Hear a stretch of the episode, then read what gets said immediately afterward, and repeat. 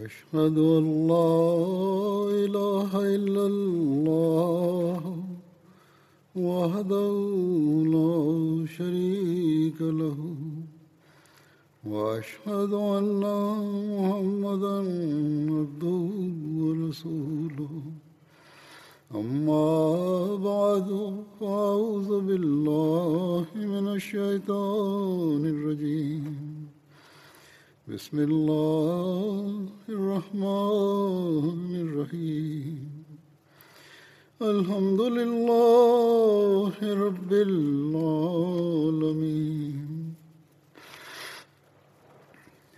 الرحمن الرحيم. مالك يوم الدين. إياك نعبد وإياك نستعين. اهدنا الصراط المستقيم. صراط الذين أنعمت عليهم. غير المغضوب عليهم ولا الضالين.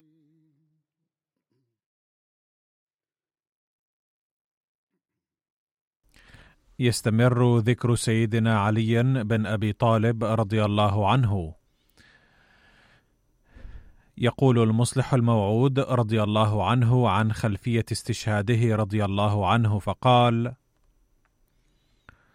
لم تكن الأمور قد انصلحت كليا حتى تشاورت فئة الخوارج فيما بينهم وقالوا ينبغي القضاء على هذه الفتنة بقتل كبار الناس.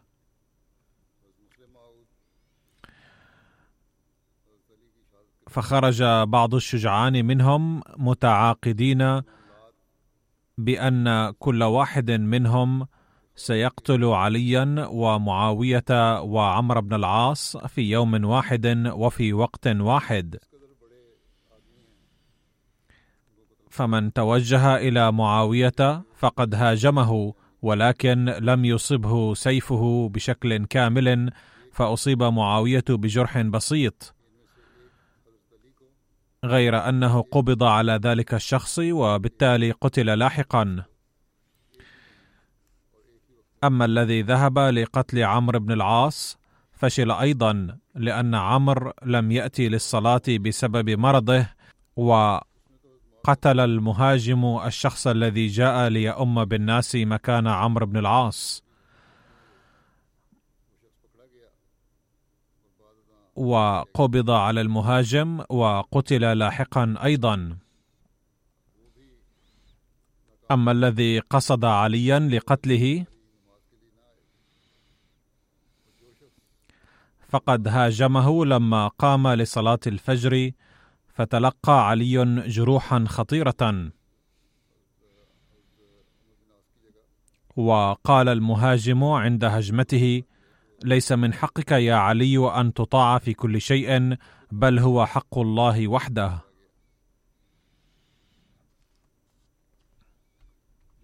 لقد تنبأ النبي صلى الله عليه وسلم عن استشهاد علي رضي الله عنه.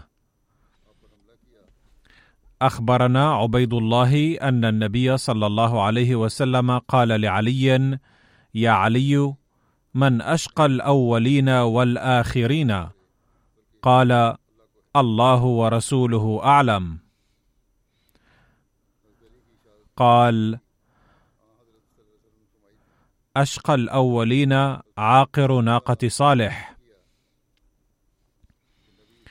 وأشقى الآخرين الذي يطعنك يا علي. وأشار إلى حيث يطعن.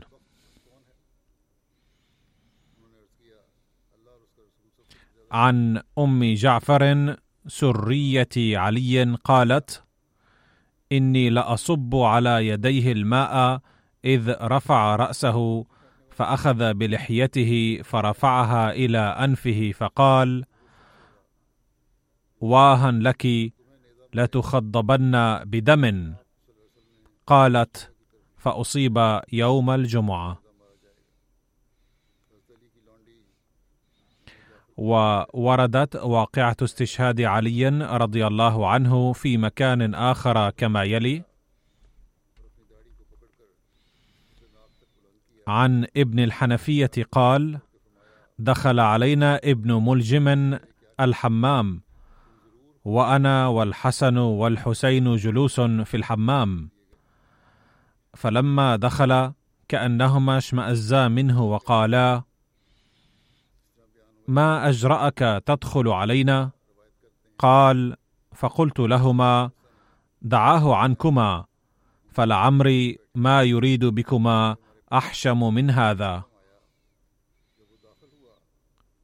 فلما كان يوم أتي به أسيرا قال ابن الحنفية ما أنا اليوم بأعرف به مني يوم دخل علينا الحمام.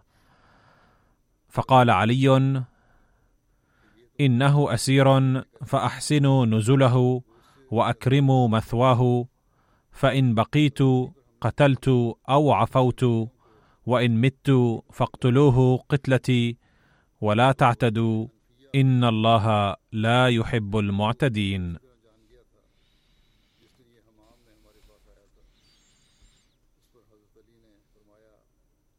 عن قثمة مولى لابن عباس قال كتب علي في وصيته إلى أكبر ولدي غير طاعن عليه أي ابن ملجم في بطن ولا فرج.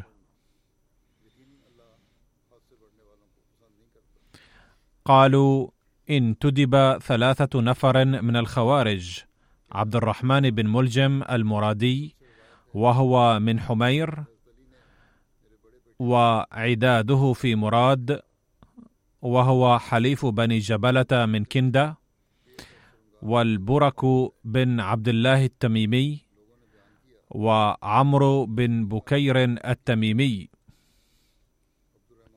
فاجتمعوا بمكة وتعاهدوا وتعاقدوا ليقتلن هؤلاء الثلاثة. علي بن أبي طالب ومعاوية بن أبي سفيان وعمر بن العاص. كما مر ذكرهم قبل هذا في واقعة ذكرها المصلح الموعود ويريحن العباد منهم. فقال عبد الرحمن بن ملجم أنا لكم بعلي بن أبي طالب. وقال البرك وأنا لكم بمعاوية. وقال عمرو بن بكير أنا أكفيكم عمرو بن العاص. فتعاهدوا على ذلك وتعاقدوا وتواثقوا لا ينكس رجل منهم عن صاحبه الذي سمى ويتوجه إليه حتى يقتله أو يموت دونه. أي إلى هذه الدرجة أكدوا على أنفسهم بأنهم إما يقتلون هؤلاء الثلاثة أو يقتلون دونهم ولا يرجعون. فاتعدوا بينهم ليلة سبع عشرة من شهر رمضان ثم توجه كل رجل منهم إلى المصر الذي فيه صاحبه الذي يريد قتله. فقدم عبد الرحمن بن ملجم الكوفة فلقي أصحابه من الخوارج فكاتمهم ما يريد. وكان يزورهم ويزورونه. فزار يوما نفرا من تيم الرباب فرأى امرأة منهم يقال لها قطامي بنت شجنة بن عدي. وكان علي قتل أباها وأخاها يوم نهروان فأعجبته فخطبها. فقالت لا أتزوجك حتى تسمي لي. فقال لا تسألينني شيئا إلا أعطيتك. فقالت ثلاثة آلاف وقتل علي بن أبي طالب. فقال والله ما جاء بي إلى هذا المصر إلا قتل علي بن أبي طالب وقد آتيتك ما سالتِ ولقي ابن ملجم شبيب بن بجرة الأشجعي فأعلمه ما يريد ودعاه إلى أن يكون معه فأجابه إلى ذلك.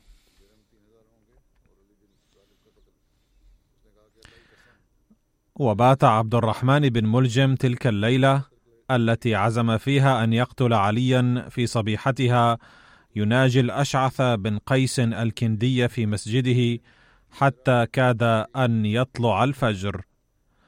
فقال له الأشعث فضحك الصبح فقم.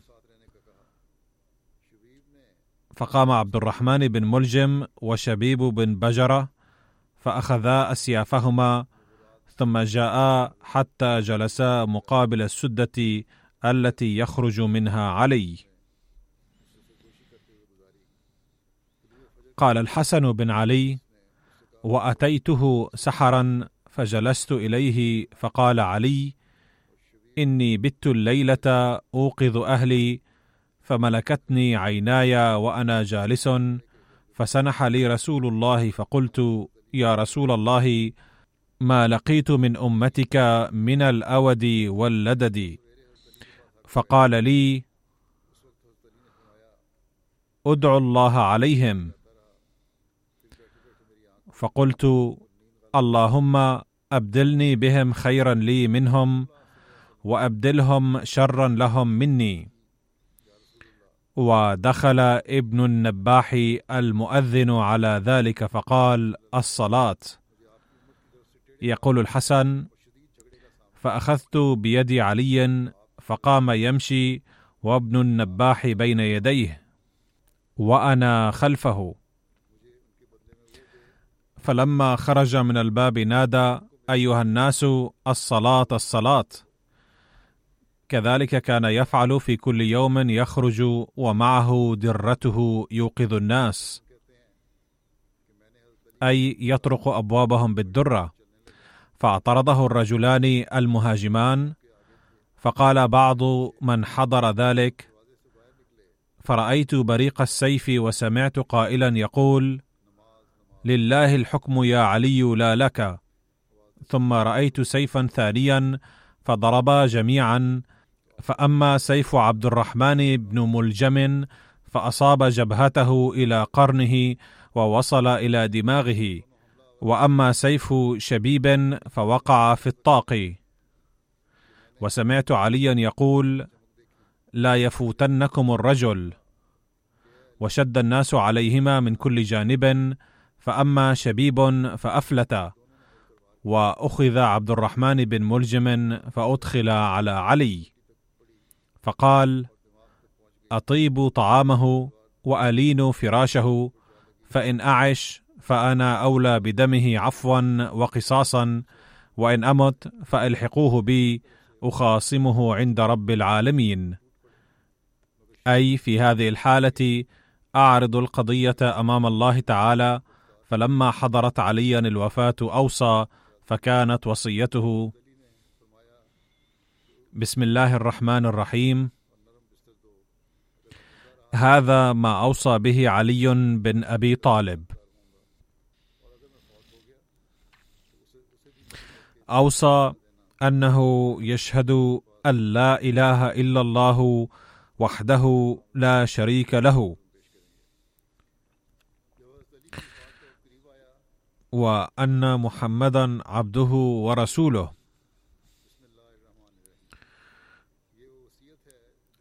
أرسله بالهدى ودين الحق ليظهره على الدين كله ولو كره المشركون. إن صلاتي ونسكي ومحياي ومماتي لله رب العالمين. لا شريك له وبذلك أمرت وأنا من المسلمين. ثم خاطب ابنه الحسن وقال أوصيك وجميع ولدي وأهلي بتقوى الله ربكم. ولا تموتن إلا وأنتم مسلمون. واعتصموا بحبل الله جميعا ولا تفرقوا. فإني سمعت أبا القاسم صلى الله عليه وسلم يقول إن صلاح ذات البين أفضل من عامة الصلاة أي صلاة النوافل والصيام.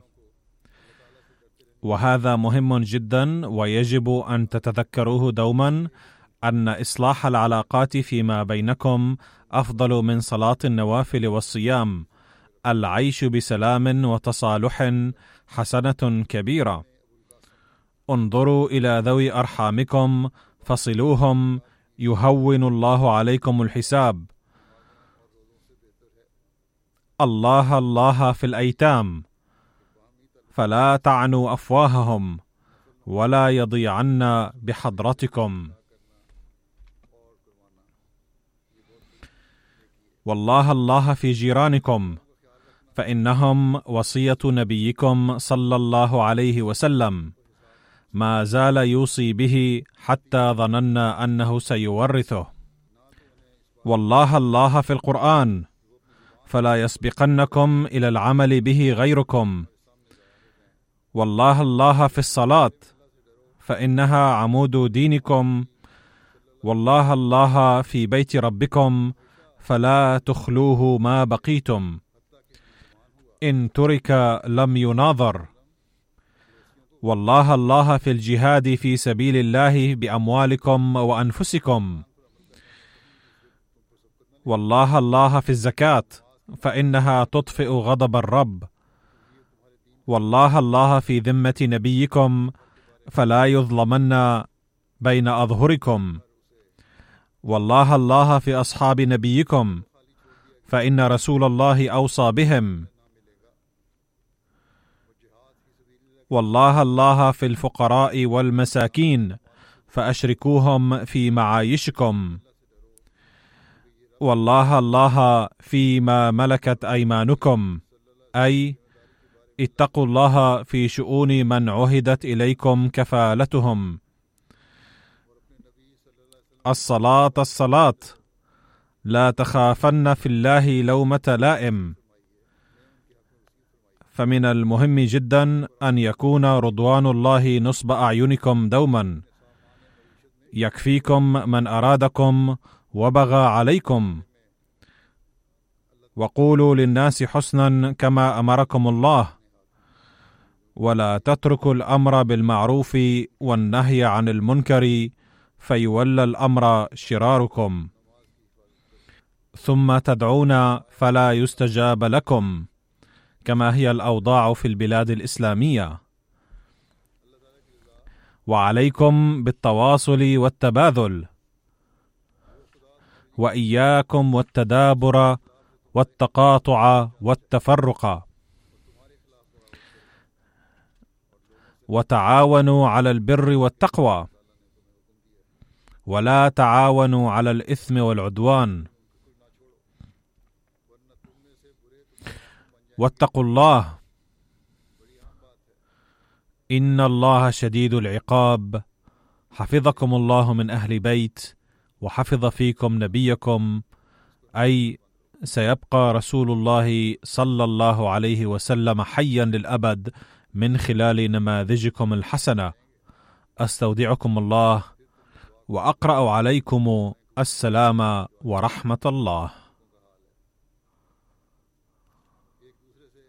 قال أبو سنان الدؤلي أنه عاد عليا رضي الله عنه في شكوى له أشكاها. قال فقلت له لقد تخوفنا عليك يا أمير المؤمنين في شكواك هذه. فقال لكني والله ما تخوفت على نفسي منه. لأني سمعت رسول الله صلى الله عليه وسلم الصادق المصدوق يقول إنك ستضرب ضربة ها هنا وضربة ها هنا. وأشار إلى صدغيه. فيسيل دمها حتى تختضب لحيتك ويكون صاحبها أشقاها كما كان عاقر الناقة أشقى ثمود. وفي رواية أن سيدنا عليا رضي الله عنه قال بحق قاتله أجلسوه. فإن مت فاقتلوه ولا تمثلوا به. وإن لم أمت فالأمر إلي في العفو أو القصاص. يقول سيدنا المصلح الموعود عن ذلك أنه قد ورد في التاريخ أن شخصا هاجم سيدنا عليا بخنجر فشق بطنه ثم ألقي القبض عليه. هذا ما كتب حضرته بأن بطنه قد شق وكان هناك جرح في الرأس أيضا. وربما كان قد أصاب البطن أيضا. وربما كان ذلك ظن المصلح الموعود رضي الله عنه وربما استخدم تعبيرا شائعا. باختصار قد ورد في أكثر الروايات أنه أصيب في الرأس. فلما قبض على المهاجم سأل الصحابة حضرته كيف يعاملونه. فدعا سيدنا الإمام الحسن وأوصاه إذا مت فاقتله قصاصا لي وإن لم أمت فلا تقتلوه. عن عمرو ذي مر لما أصيب علي بالضربة دخلت عليه وقد عصب رأسه. قلت يا أمير المؤمنين أرني ضربتك. قال فحلها. فقلت خدش وليس بشيء. قال إني مفارقكم. فبكت أم كلثوم من وراء الحجاب. فقال لها اسكتي فلو ترين ماذا أرى لما بكيت. قال فقلت يا أمير المؤمنين ما ترى؟ قال هذه الملائكة وفود والنبيون وهذا محمد صلى الله عليه وسلم يقول يا علي أبشر فما تصير إليه خير مما أنت فيه. وفي رواية لما فرغ علي من وصيته قال أقرأ السلام عليكم ورحمة الله وبركاته. ثم لم يتكلم إلا بي لا إله إلا الله حتى قبضه الله. لما توفي علي بن أبي طالب قام الحسن بن علي فصعد المنبر فقال أيها الناس قد قبض الليلة رجل لم يسبقه الأولون ولا يدركه الآخرون. قد كان رسول الله صلى الله عليه وسلم يبعثه المبعث فيكتنفه جبريل عن يمينه وميكائيل عن شماله فلا ينثني حتى يفتح الله له. وما ترك إلا سبعمائة درهم أراد أن يشتري بها خادما. ولقد قبض في الليلة التي عرج فيها بروح عيسى بن مريم ليلة سبع وعشرين من رمضان.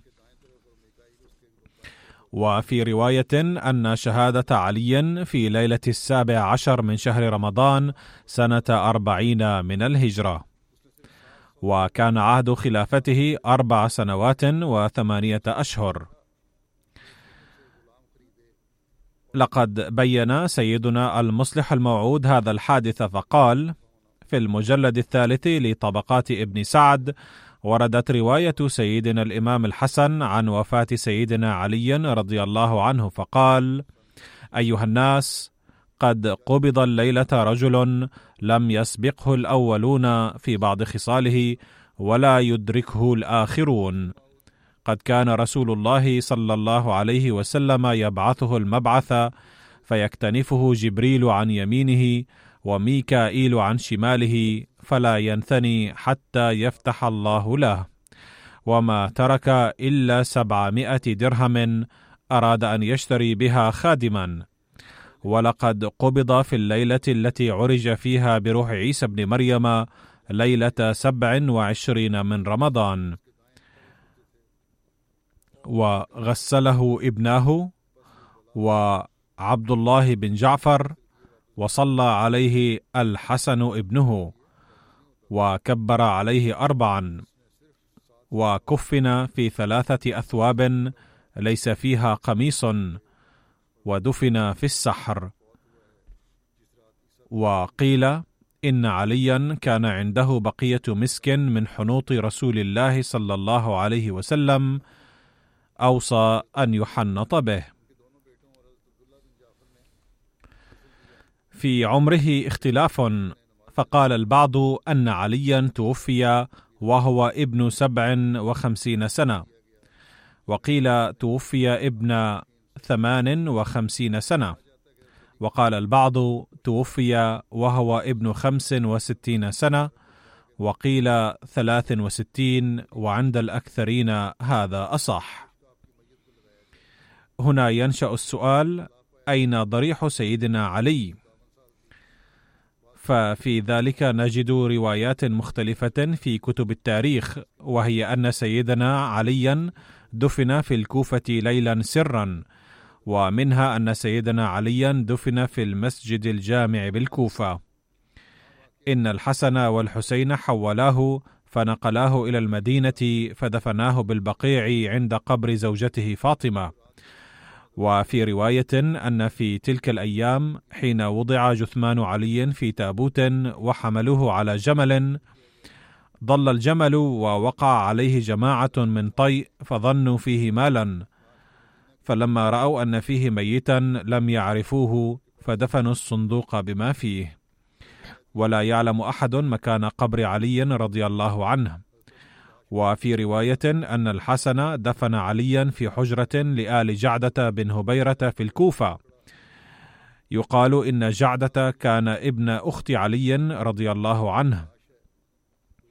قال الإمام جعفر الصادق: صلوا على علي في وقت الليل ودفنوه في الكوفة وأخفوا مكان قبره وكان عند قصر الإمارة.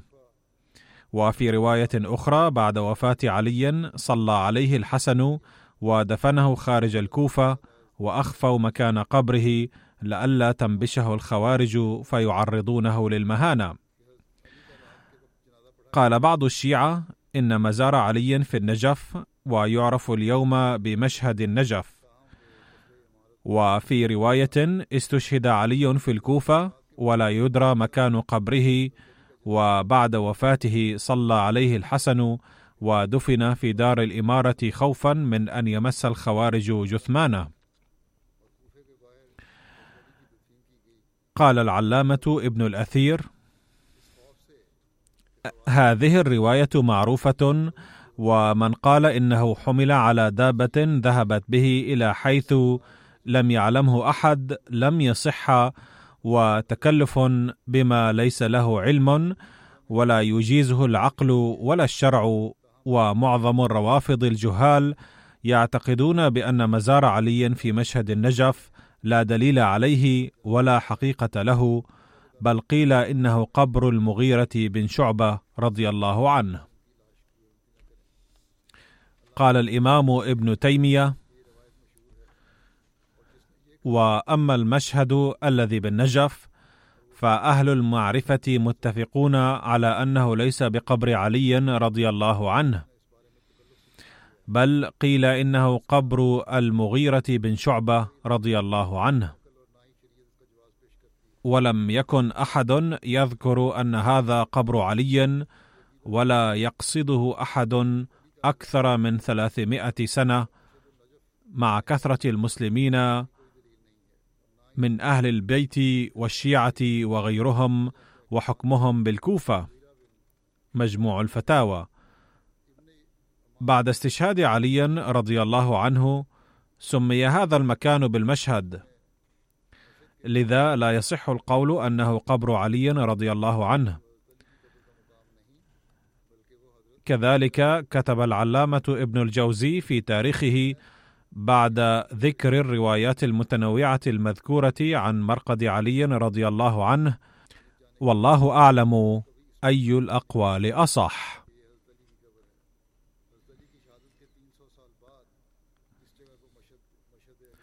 أما عن زيجات علي وأولاده فقد تزوج علي رضي الله عنه ثمانية أزواج في أوقات مختلفة واسماءهن هي فاطمة بنت رسول الله صلى الله عليه وسلم خولة بنت جعفر بن قيس ليلى بنت مسعود بن خالد أم البنين بنت حزامة بن خالد أسماء بنت عميس الصهباء أم حبيبة بنت ربيعة أمامة بنت العاص بن الربيع وهي حفيدة النبي صلى الله عليه وسلم من ابنته زينب رضي الله عنها. أم سعيد بنت عروة الثقفية وهن أنجبن لعلي رضي الله عنه ذرية كثيرة يتجاوز عددها ثلاثين منها أربعة عشر ذكرا وتسعة عشرة امرأة. وكان عموم ذرية علي رضي الله عنه من أولاده الخمسة الحسن والحسين ومحمد بن الحنفية والعباس بن الكلابية وعمر بن التغلبية. وورد عن فضائل علي رضي الله عنه وخصائله ومناقبه عن ابن عباس رضي الله عنه قال قال رسول الله صلى الله عليه وسلم أنا مدينة العلم وعلي بابها فمن أراد المدينة فليأتي الباب.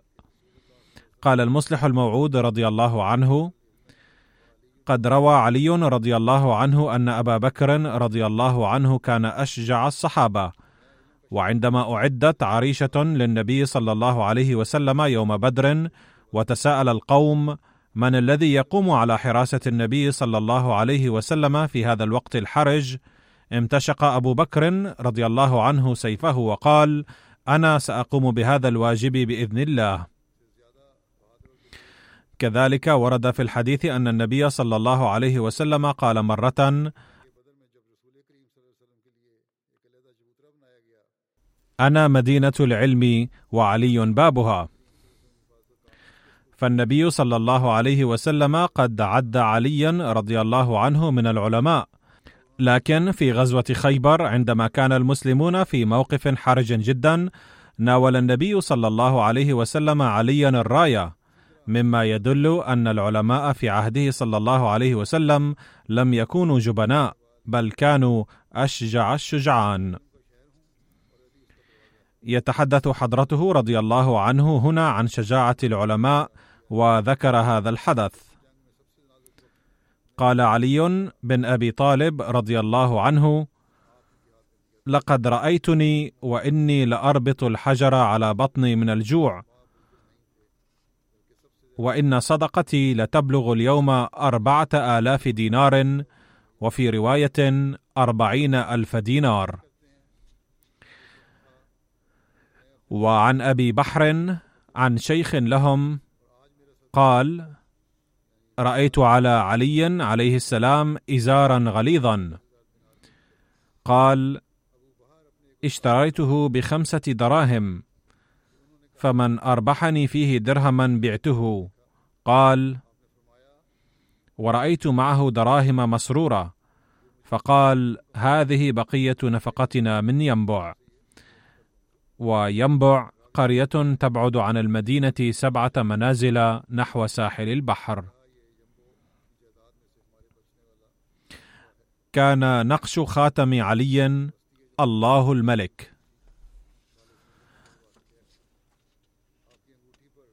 عن جميعة بن عمير التيمي قال دخلت مع عمتي على عائشة فسئلت أي الناس كان أحب إلى رسول الله صلى الله عليه وسلم؟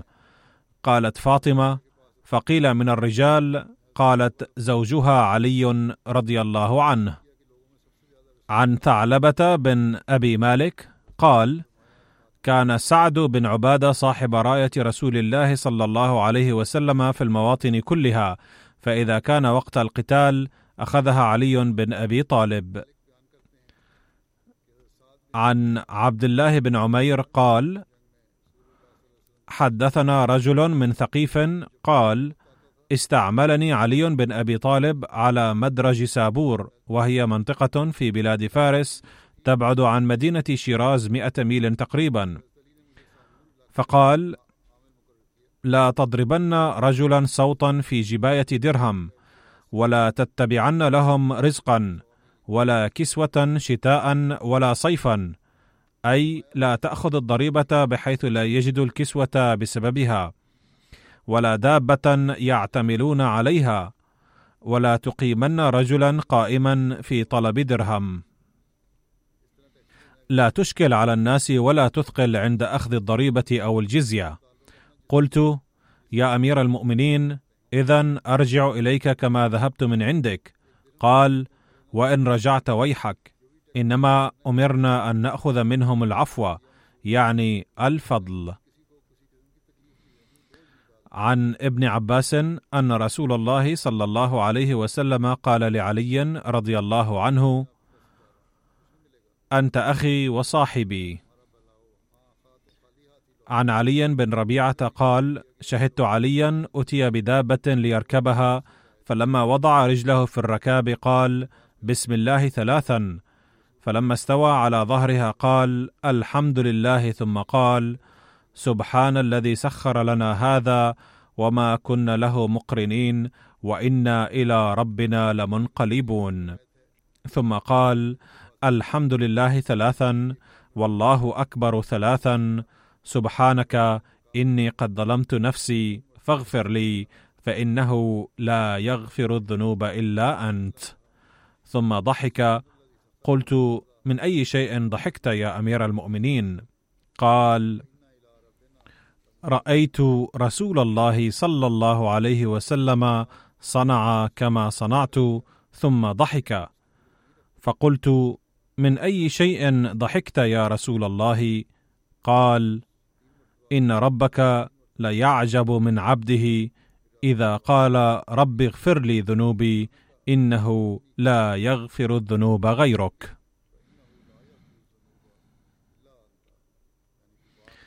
عن يحيى بن يعمر قال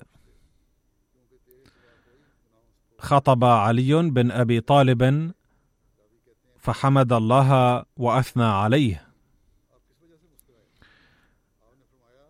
ثم قال أيها الناس إنما هلك من كان قبلكم بركوبهم المعاصي ولم ينههم الربانيون والأحبار. فلما تمادوا في المعاصي أخذتهم العقوبات فمروا بالمعروف وانهوا عن المنكر قبل أن ينزل بكم مثل الذي نزل بهم. واعلموا أن الأمر بالمعروف والنهي عن المنكر لا يقطع رزقا ولا يقرب اجلا. عن جابر قال كنا مع رسول الله صلى الله عليه وسلم عند امرأة من الأنصار صنعت له طعاما. فقال النبي صلى الله عليه وسلم يدخل عليكم رجل من أهل الجنة. فدخل أبو بكر فهنيناه ثم قال يدخل عليكم رجل من أهل الجنة. فدخل عمر فهنيناه ثم قال يدخل عليكم رجل من أهل الجنة. فرأيت النبي صلى الله عليه وسلم يدخل رأسه تحت الودي فيقول اللهم إن شئت جعلته عليا فدخل علي فهنيناه. عن أنس قال قال رسول الله صلى الله عليه وسلم اشتاقت الجنة إلى ثلاثة علي وعمار وسلمان. عن أبي عثمان النهدي أن عليا رضي الله عنه قال بينما رسول الله صلى الله عليه وسلم آخذ بيدي ونحن في سكك المدينة إذ مررنا بحديقة فقلت يا رسول الله ما أحسنها من حديقة؟ قال لك في الجنة أحسن منها. عن عمار بن ياسر يقول سمعت رسول الله صلى الله عليه وسلم يقول لعلي بن أبي طالب يا علي إن الله عز وجل قد زينك بزينة لم يتزين العباد بزينة أحب إليه منها. الزهد في الدنيا فجعلك لا تنال من الدنيا شيئا ولا تنال الدنيا منك شيئا ووهب لك حب المساكين ورضوا بك اماما ورضيت بهم اتباعا. فطوبى لمن أحبك وصدق فيك وويل لمن أبغضك وكذب عليك فأما الذين أحبوك وصدقوا فيك فهم جيرانك في دارك ورفقاؤك في قصرك وأما الذين أبغضوك وكذبوا عليك فحق على الله أن يوقفهم موقف الكذابين يوم القيامة يقول سيدنا المصلح الموعود رضي الله عنه أن عليا وفاطمة سيكونان في مقام في الجنة حيث أكون أنا. وقد ورد أن عليا رضي الله عنه من العشرة المبشرين بالجنة. فقد جاء في حديث عن سعيد بن زيد بن عمرو بن نفيل أنه قال أشهد على التسعة أنهم في الجنة ولو شهدت على العاشر لم آثم. قيل وكيف ذلك؟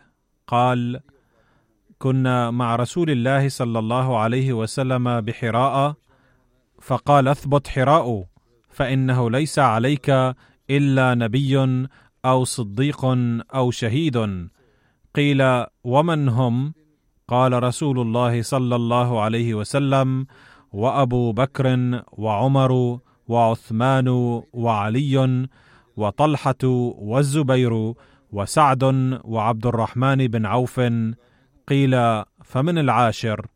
قال أنا. والآن سأقرأ مقتبسا من كلام المسيح الموعود عليه السلام وقد ذكرته من قبل أيضا. ولكن ما دام عليه السلام قد بينه في سياق ضبط النفس وإزالة الأنانية الزائفة لذا سأسرده هنا أيضا. فيقول المسيح الموعود عليه السلام يروى أن عليا كرم الله وجهه كان ذات مرة يحارب عدوا لوجه الله تعالى. فأسقطه علي وجلس على صدره. فبصق العدو فورا على وجه علي فنزل من على صدره فورا وتركه وقال له كنت إلى الآن أحاربك لوجه الله تعالى. أما الآن وقد بصقت على وجهي فقد شابت القتال شائبة من نفسي أيضا. فلا أريد أن أقتلك من أجل نفسي. يتبين من ذلك بجلاء أنه لم يحسب عدوه الشخصي عدوا. كذلك يجب أن تتخلقوا بهذه الأخلاق وتطبعوا على أنفسكم بهذا الطابع. إذا آذيتم احدا لطمع أو حاجة في نفوسكم ووسعتم سلسلة العداوة فأي شيء أكثر اسخاطا لله من ذلك. وفي مناسبة أخرى زاد المسيح الموعود عليه السلام هذا الموضوع شرحا وقال تعلموا درسا من أسوة علي رضي الله عنه للتمييز بين الحماس لوجه الله تعالى والحماس للنفس. روي أن عليا رضي الله عنه كان يحارب مقاتلا كافرا فكان علي يسيطر عليه مرة بعد أخرى ولكنه كان يفلت من سيطرته.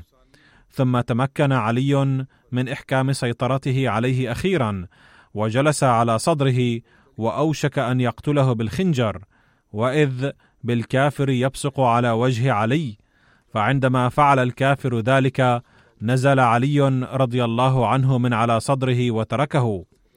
فاستغرب الكافر من ذلك أيما استغراب وسأله لقد تمكنت مني بعد جهد جهيد وأنا عدوك اللدود ومتعطش لدمك ولكنك تركتني بعد أن تمكنت مني فما الذي دعاك إلى ذلك؟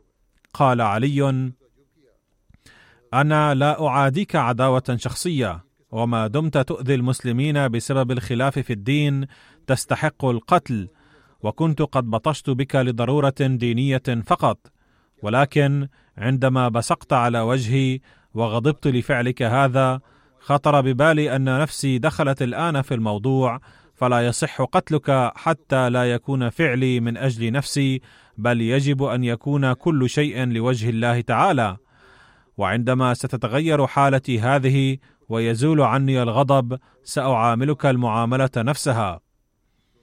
لقد ترك هذا الكلام تاثيرا كبيرا في قلب الكافر وزال من قلبه الكفر كله وفكر في نفسه أي دين يمكن أن يكون أفضل في العالم من أن يصبح المرء طيب النفس على هذا النحو نتيجة العمل به فتاب فورا وأسلم. أقول هذه هي التقوى الحقيقية التي لها تأثيرها. لقد ذكر سيدنا المصلح الموعود رضي الله عنه أيضا حادث قتال علي رضي الله عنه مع هذا اليهودي على النحو المذكور تقريبا فقال كان علي رضي الله عنه في قتال فخرج لنزاله عدو شجاع كبير لا يقدر على مواجهته إلا قلة فظل يحاربه إلى عدة ساعات وبعد ساعات طويلة أسقط علي رضي الله عنه اليهودي وجلس على صدره وأراد أن يقطع عنقه بالسيف فما كان من اليهودي إلا أن بصق في وجه علي رضي الله عنه فتركه علي رضي الله عنه وابتعد عنه. فاحتار اليهودي من هذا التصرف وسأله مذهولا لقد تمكن مني علي بعد صراع طويل ثم تركتني فجأة. فما هذه الغباوة؟ قال علي هذه ليست غباوة بل الحق أنه عندما صرعتك بصقت في وجهي فثار الغضب في قلبي ولكن ذهب وهلي فورا إلى أنني كنت إلى الآن أحاربك لوجه الله ولكن ولو استمررت في محاربتك لكان قتلي إياك لغضب في نفسي ولما كان لوجه الله ولنيل رضاه عز وجل. لذا رأيت من المناسب أن أتركك وشأنك وعندما سيزول مني الغضب سأحاربك مرة أخرى لوجه الله. وللحديث بقية سأتناولها مستقبلا بإذن الله. أود الآن قول شيء آخر وهو إن هذا اليوم هو أول يوم من هذه السنة وهو يوم الجمعة. فادعوا الله تعالى أن تكون هذه السنة مباركة لجماعتنا وللعالم أجمع وللإنسانية جمعاء وأن نكون أكثر أداء لواجباتنا وإنابة إلى الله تعالى ورفعا لمعايير عباداتنا وأن يصبح أهل الدنيا أكثر ادراكا لغاية حياتهم واداء لحقوق الله تعالى ولحقوق إخوانهم الآخرين طبقا لأحكام الله تعالى بدلا من هضم حقوقهم. وإلا فإن لله تعالى اسلوبا خاصا للفت أنظار أهل الدنيا إلى أداء واجباتهم. يا ليتنا وليت أهل الدنيا كلهم يستوعبون هذا الأمر ويصلحون دنياهم وعقباهم. منذ السنة الماضية نعاني من جائحة وبائية خطيرة فليس في العالم بلد إلا وحل به هذا الوباء. قليلا أو كثيرا. ومع ذلك يبدو أن أغلبية أهل الدنيا لا يريدون أن ينتبهوا إلى أن هذا الوباء ربما جاء من الله تعالى لينبهنا إلى أداء حقوق الله وواجباته تعالى. إنهم لا يريدون أن يفكروا على هذا المنوال ولا يتساءلون لعل الله يريد إيقاظهم وإنذارهم. لا أحد منهم يفكر على هذا النحو ولا ينتبه لهذا الأمر. قبل بضعة أشهر كنت بعثت إلى عديد من زعماء شتى الدول رسائل لتوجيه أنظارهم إلى هذا الأمر وحاولت نصحهم بالنظر إلى جائحة كورونا ونبهتهم بالحديث عن سيدنا المسيح الموعود عليه الصلاة والسلام إلى أن هذه الآفات تحل نتيجة نسيان الناس حقوق الله وعدم أدائهم واجبات الله تعالى. بل بسبب التمادي في الظلم والعدوان فعليهم أن ينتبهوا إلى هذا الأمر. فرد بعض هؤلاء الزعماء على رسائلي ولكن كانت ردودهم مصطبغة بصبغة أهل الدنيا الماديين إذ قالوا إننا أيضا نريد ذلك ولكن كلامهم كان بمنظور الدنيا فقط لا بمنظور الدين. ولم يبدوا أدنى التفات إلى الله الذي ركزت عليه في الرسائل كثيرا ولم يقولوا نعم إنه لا بد من ذلك. لا يريدون اتخاذ خطوة عملية لتغيير ما بأنفسهم ولا يريدون تنبيه شعوبهم إلى غاية خلقهم شفقة عليهم رغم إدراكهم شدة خطورة الأوضاع ما بعد هذا الوباء. إن كل زعيم في العالم يدرك ذلك جيدا وكل عاقل ومحلل يعلم ذلك.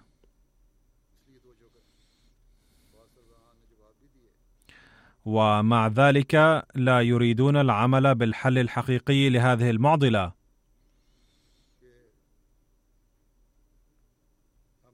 إنما يلتفتون إلى الجهود الدنيوية المادية فقط.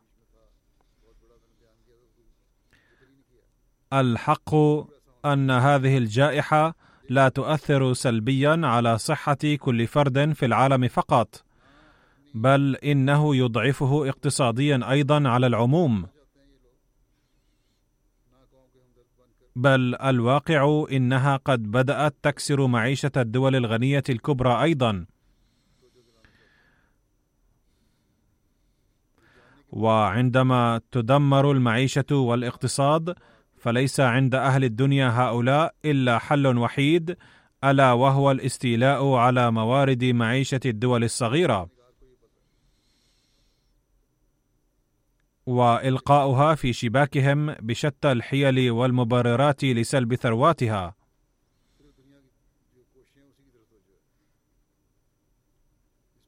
سوف تتشكل الكتل.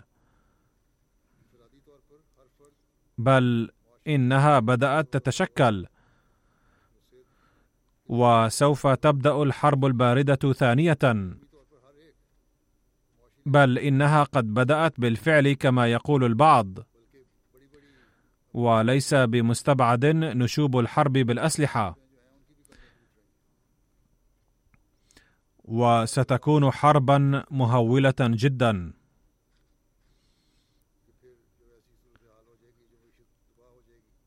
وسوف يقعون في حفرة عميقة الغور مرة أخرى.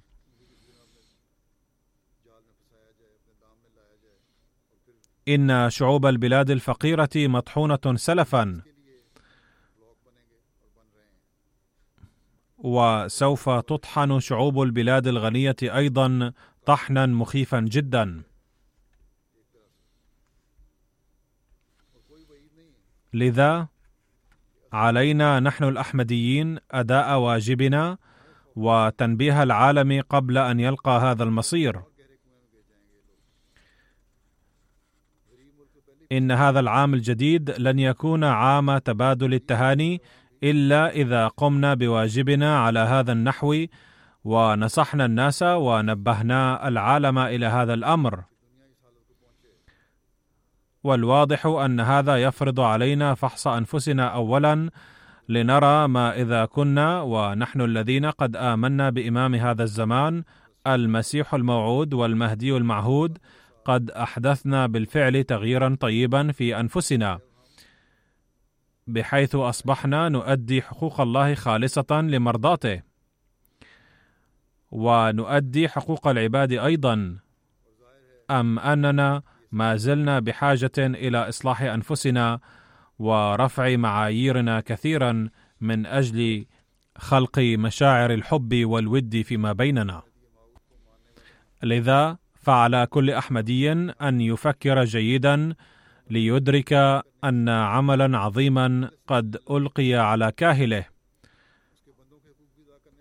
وأن القيام به يتطلب منا اولا خلق جو من الحب والوئام والتآخي فيما بيننا وإصلاح المجتمع الأحمدي. ثم بعد ذلك علينا جمع العالم تحت الراية التي رفعها سيدنا محمد رسول الله صلى الله عليه وسلم والتي هي راية توحيد الله تعالى. وعندها فقط ننجح في تحقيق الهدف من بيعتنا. وعندها نتمكن من أداء حق البيعة. وعندها فقط نرث افضال الله تعالى. وعندها فقط يكون لنا الحق في تبادل التهاني بمناسبة حلول العام الجديد.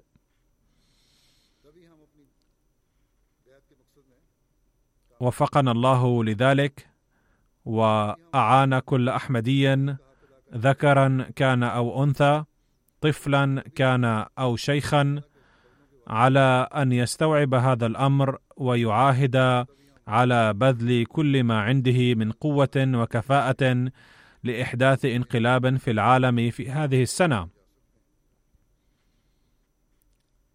وفق الله كل أحمدي لذلك. وأحثكم أيضا على الدعاء من أجل الأحمديين في باكستان والجزائر في هذه الأيام خاصة. فاذكروهم في أدعيتكم. في بعض المناطق في باكستان قد صمم بعض المشايخ والمسؤولين الحكوميين على اضطهاد الأحمديين في كل حال. عجل الله بطشه بمن يستحيل إصلاحه منهم.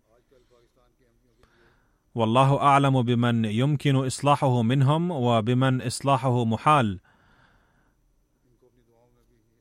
فالذين إصلاحهم محال ندعو الله تعالى أن يهيئ الأسباب للبطش بهم عاجلا وليقضي الله عاجلا وينجنا مما يسمى قانون المنع من الإساءة إلى الرسول صلى الله عليه وسلم. ذلك القانون الغاشم الذي تحت غطائه يسعى هؤلاء ظلم الأحمديين.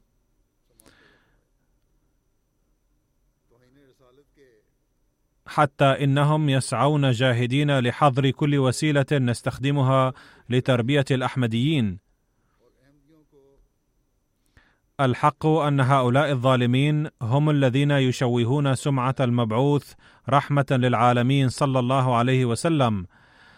أما الأحمديون فإنهم يضحون بأرواحهم في الذود عن عرض النبي صلى الله عليه وسلم. الحق أن الأحمديين يعملون اليوم لجمع العالم تحت راية محمد رسول الله صلى الله عليه وسلم أكثر من أي واحد آخر. بل الأحمديون هم وحدهم الذين يعملون في هذا المجال حقيقة. بل الحق أنه إذا كان أحد يقوم بهذا العمل فهو الأحمدي فقط. فأهل الدنيا هؤلاء يمكنهم أن يظلمون مغرورين بحكمهم وقوتهم وأموالهم ولكن عليهم أن يتذكروا أننا نؤمن بذلك الإله الذي هو نعم المولى ونعم النصير. وإن النصر من ذلك الإله الذي هو نعم المولى ونعم النصير ينزل وينزل حتما. وعندما يأتي نصر الله وتأييده فلا يرى حتى غبار أهل الدنيا هؤلاء المغرورين بقوتهم وأموالهم. فعلينا تزيين عباداتنا بالأدعية أكثر فأكثر. وإذا فعلنا ذلك فعندها يكون فوزنا مضمونا. كنت قد ذكرت من قبل عن جماعتنا في الجزائر أنهم قد حكموا هنالك ببراءة إخواننا جميعا ولكن الواقع أن محكمة حكمت ببراءة إخواننا المتهمين كلهم بينما حكمت محكمة أخرى ببراءة إخواننا جميعا مع قليل من الغرامة. ولكن لا يزال هناك بعض الإخوة مسجونين فعلينا أن ندعو الله تعالى بالإفراج عنهم عاجلا. وادعوا للإفراج عن الأحمديين الأسرى في الله في باكستان أيضا. إن أفراحنا سواء بمناسبة بداية العام الجديد أو العيد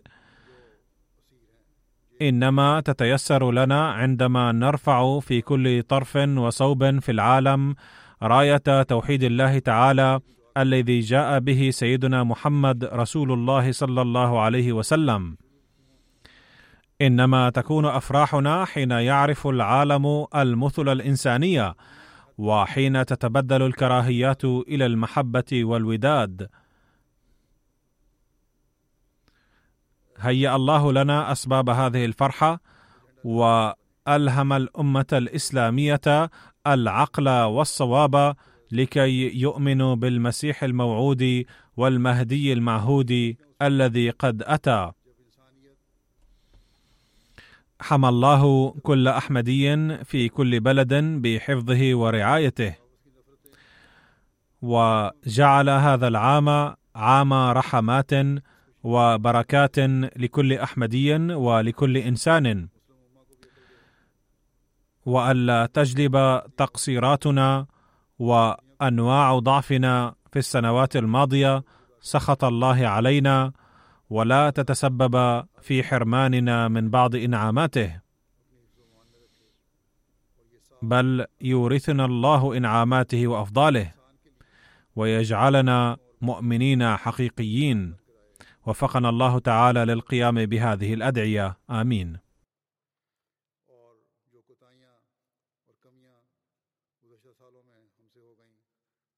جو اللہ تعالیٰ کی ناراضگی کا باعث بنی، یا یا ہمیں بعض انعاموں سے محروم رکھنے کا باعث بنی، ان سے اللہ تعالیٰ ہمیں بچائے اور اپنے انعاموں کا اور فضلوں کا وارث بنائے اور ہم حقیقی مومن بن جائیں۔ اللہ تعالیٰ ہمیں ان دعاؤں کی بھی توفیق عطا فرمائے۔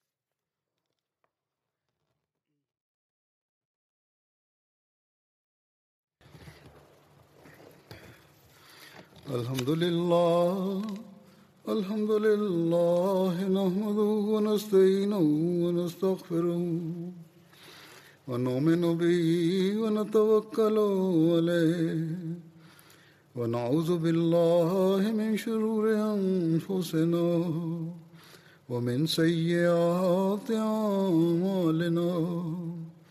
من يهده الله فلا مضل له ومن يضلله فلا هادي له. ونشهد أن لا إله إلا الله. ونشهد أن محمدا عبده ورسوله. عباد الله رحمكم الله.